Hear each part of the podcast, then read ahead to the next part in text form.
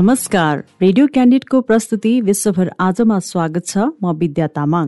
विश्वभर आज radio candidate बयानब्बे दशमलव सात मेगा हर्ज रेडियो क्यान्डिडेटको आधिकारिक फेसबुक पेज र पोडकास्टमा समेत सुन्न सक्नुहुनेछ। विश्वभर आजमा हामी विश्वभर घटेका ताजा र विशेष घटना समेटेका समाचार सामग्री प्रस्तुत गर्दै आएका छौं। विश्वभर आज हरेक दिन बेलुका आठ बजेको क्यान्डिड फटाफटपछि प्रसारण हुन्छ।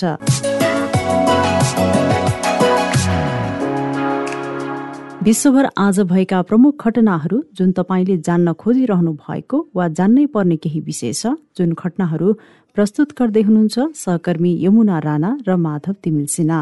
युक्रेनी राष्ट्रपति भ्लोदिमिर जेलेन्स्कीले गत फेब्रुअरी चौबिसमा आक्रमण थाले यता हालसम्म बिस हजार रुसी सैनिक मारिएको दावी गरेका छन्। अमेरिकी टेलिभिजन च्यानल सिएनएनलाई दिएको अन्तर्वार्तामा उनले यस्तो बताएका हुन्। साथै उनले रुसी हमलामा पच्चिस सयदेखि तीन हजार युक्रेनी सेना मारिएको बताएका छन्। त्यस्तै युद्धमा दस हजार युक्रेनी सेना घाइते भएको उनको भनाइ छ। युद्धमा नागरिक हताहतको कुनै गणना छैन। उनले भने रुसले गत महिना युद्धमा आफ्ना एक हजार तिन सय एकाउन्न सेना मारिएको र तीन हजार आठ सय पच्चिसजना घाइते भएको जनाइएको थियो। युद्धमा मारिने र घाइते हुने सेनाको सङ्ख्याबारे दुवै पक्षले आ आफ्नो दावी गरे पनि त्यसबारे स्वतन्त्र पुष्टि हुन सकेको छैन। युक्रेनको राजधानी सहर किब वरपर नौ सय सर्वसाधारणको शव फेला परेका छन्। रुसी सेना किबबाट फर्किएको एक सातापछि किब क्षेत्रका प्रहरी प्रमुखले सो संख्यामा सर्वसाधारणको सब फेला परेको दावी गरेका हुन्। युक्रेनी पक्षको भनाइको स्वतन्त्र पुष्टि भनी हुन बाँकी छ। रुसले आफ्ना आक्रमण पूर्वी युक्रेनमा केन्द्रित गरेको बताउँदै आएको छ। पूर्वी युक्रेनमा हमला तीव्र पारेसँगै लुहान्सक र दोनेत्सक खाली गर्न सरकारले सर्वसाधारणलाई अनुरोध गरेको छ। चौबिस फेब्रुअरीमा रुसले युक्रेनमा हमला गरेपछि लाखौं सर्वसाधारण देश छोडेर विभिन्न मुलुकमा शरण लिन गएका छन्। रुसले युक्रेनको राजधानी कि बाहिर एन्टी एयरक्राफ्ट र एन्टी सिप मिसाइल बनाउने एउटा भट्टीमा प्रहार गरेको जनाएको छ। युक्रेनी हमलामा रुसको युद्धपोत पानी जहाज मस्कोभा विस्फोटपछि डुबेको विवरण सार्वजनिक भइरहेका बेला रुसको भनाइ सार्वजनिक भएको हो। हमलामा प्लान्टमा क्षति पुगेको बताइएको छ। रुसी युद्धपोतमा आफ्ना सेनाले मिसाइलहरू प्रहार गरेको युक्रेनले दावी गरेको छ। मिसाइल हमलापछि युद्धपोतमा आगो लागेको थियो। युद्धपोतमा हमला भएपछि रुसले त्यसको बदला लिने जनाएको छ। किबमा आक्रमणलाई तीव्र पारिने रुसी रक्षा मन्त्रालयले चेतावनी दिएको छ। राष्ट्रसङ्घले द्वन्द्वका क्रममा पचास लाखभन्दा बढी युक्रेनीहरू आफ्नो घर छोड्न बाध्य भएको जनाएको छ। फेब्रुअरीमा युक्रेनमा युद्ध सुरु गरेदेखि युक्रेनमा तैनात रुसी सेनाले रणनीति परिवर्तन गर्न र धेरै कठिनाईको साक्षी बन्न बाध्य छन्। रुसी रक्षा मन्त्री सर्गेई सोइगुका युक्रेनी योजना अलमल परेका देखिन्छन्। छैसठी वर्षीय नेतालाई ठुला हृदयघात भएको र उनी अहिले आफ्नो जीवनका लागि सङ्घर्ष गरिरहेको प्राप्त विवरणहरूमा जनाइएको छ। सोइगुलाई सघन उपचार कक्षमा राखिएको जनाइएको छ। रुसी राष्ट्रपति भ्लादिमिर पुटिनका विरोधीका अनुसार मन्त्रीलाई अस्वाभाविक हृदयघात भएको छ। फेसबुकमा बैसठी वर्षीय रुसी व्यापारी लियोनित नेब्जलिनले भनेका छन् सोइगु खेलबाट बाहिर छन्। बाँचे भने उनी अशक्त बन्न सक्छन्। उनलाई अचानक हृदयघात भयो। प्राकृतिक कारणले हृदयघात नभएको हल्ला चलेको छ। युक्रेन हमलामा रुसले ठूलो क्षति बेहोरेको किबले दावी गर्दै आएको छ। आफ्ना सेनाको सशक्त प्रतिकारका कारण रुसले पन्ध्र हजार भन्दा बढी सेना गुमाएको युक्रेनी पक्षको दावी छ। रुसी सेनाका ठूलो संख्यामा जहाज तथा हेलिकप्टरमा क्षति गरेको युक्रेनको दावी छ।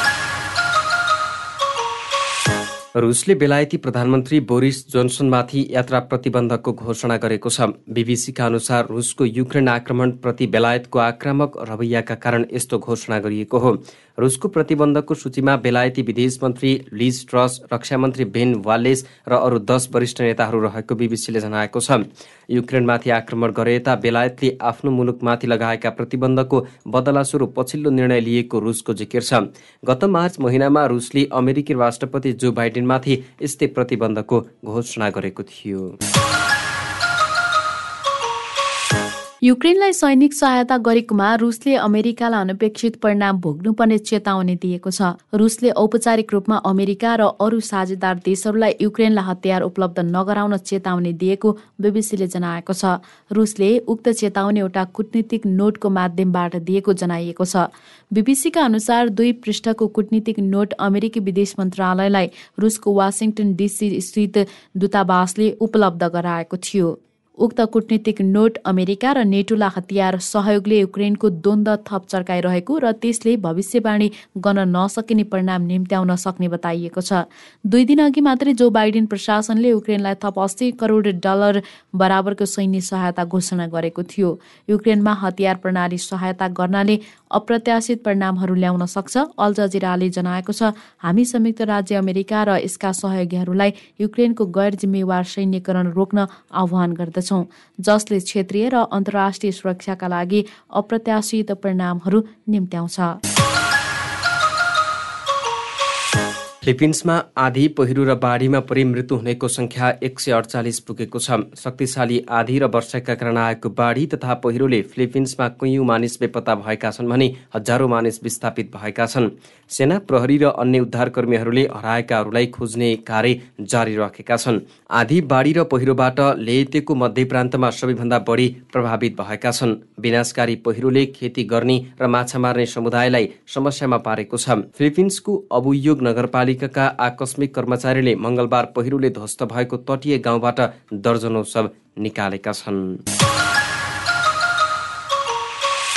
उत्तर कोरियाले सैन्य परेड बिना शनिबार उत्तर कोरियाका संस्थापक किम इल सुङको जन्म जयन्ती मनाएको छ। उत्तर कोरियाली नेता किम जोङ उनले देशका संस्थापक नेताको जन्मदिन मनाउन आयोजित भव्य सार्वजनिक समारोहको निरीक्षण गरेको राज्य सञ्चालित सञ्चार माध्यममा सम्प्रेषित तस्विरहरूमा देखिएको छ।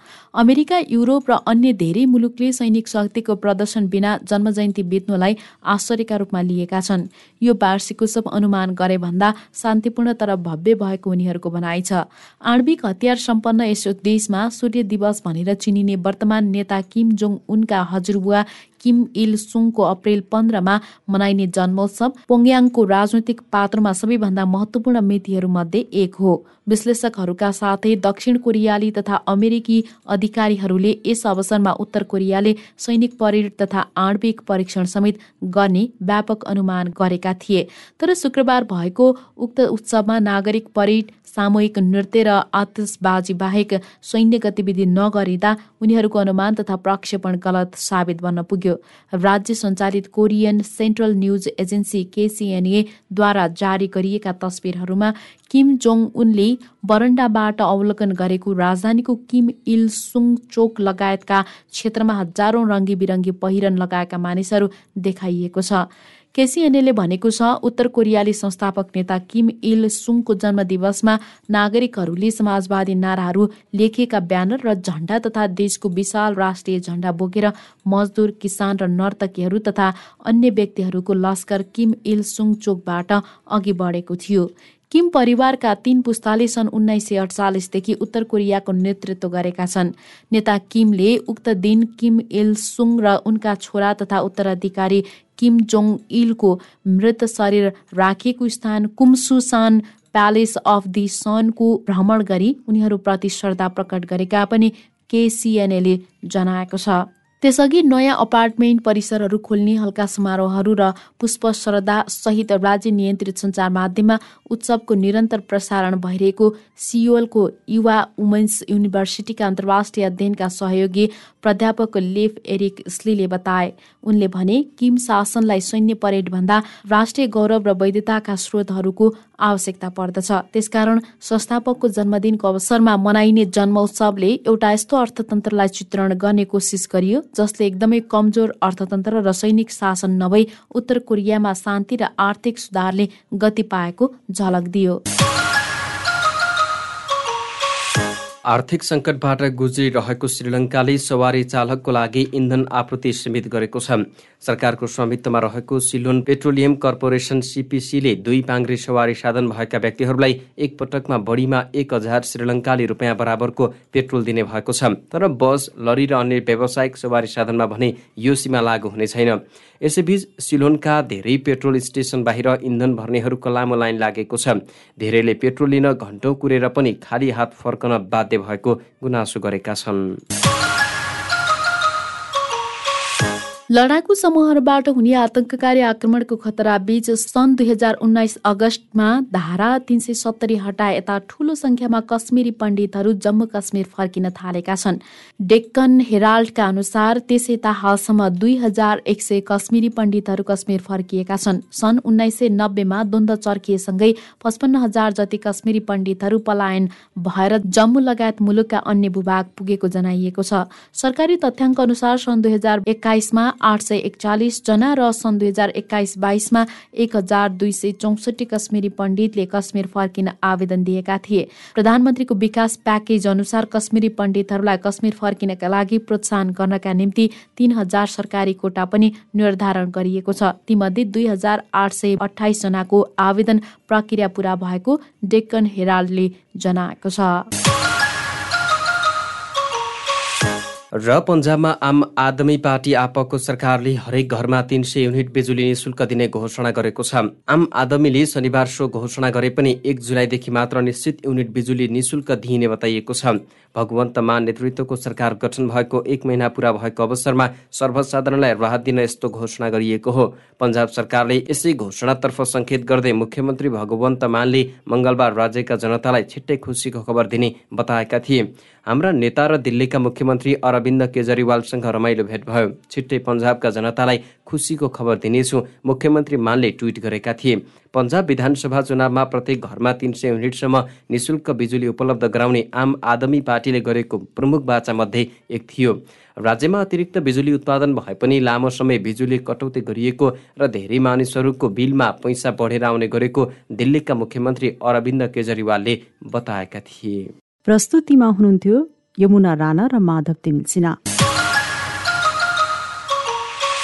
विश्व गतिविधि रेडियो क्यान्डिडको दैनिक प्रस्तुति हो। तपाईँले रेडियो क्यान्डिडको वेबसाइट आधिकारिक फेसबुक पेज र पोडकास्टमा समेत सुन्न सक्नुहुनेछ। सँगै खबर हब डट कममा पनि विश्व गतिविधि पढ्न सक्नुहुनेछ। भोलि फेरि यसै समयमा विश्व गतिविधि बुलेटिन लिएर उपस्थित हुनेछौ। आजलाई भने विदा दिनुहोस्। नमस्कार।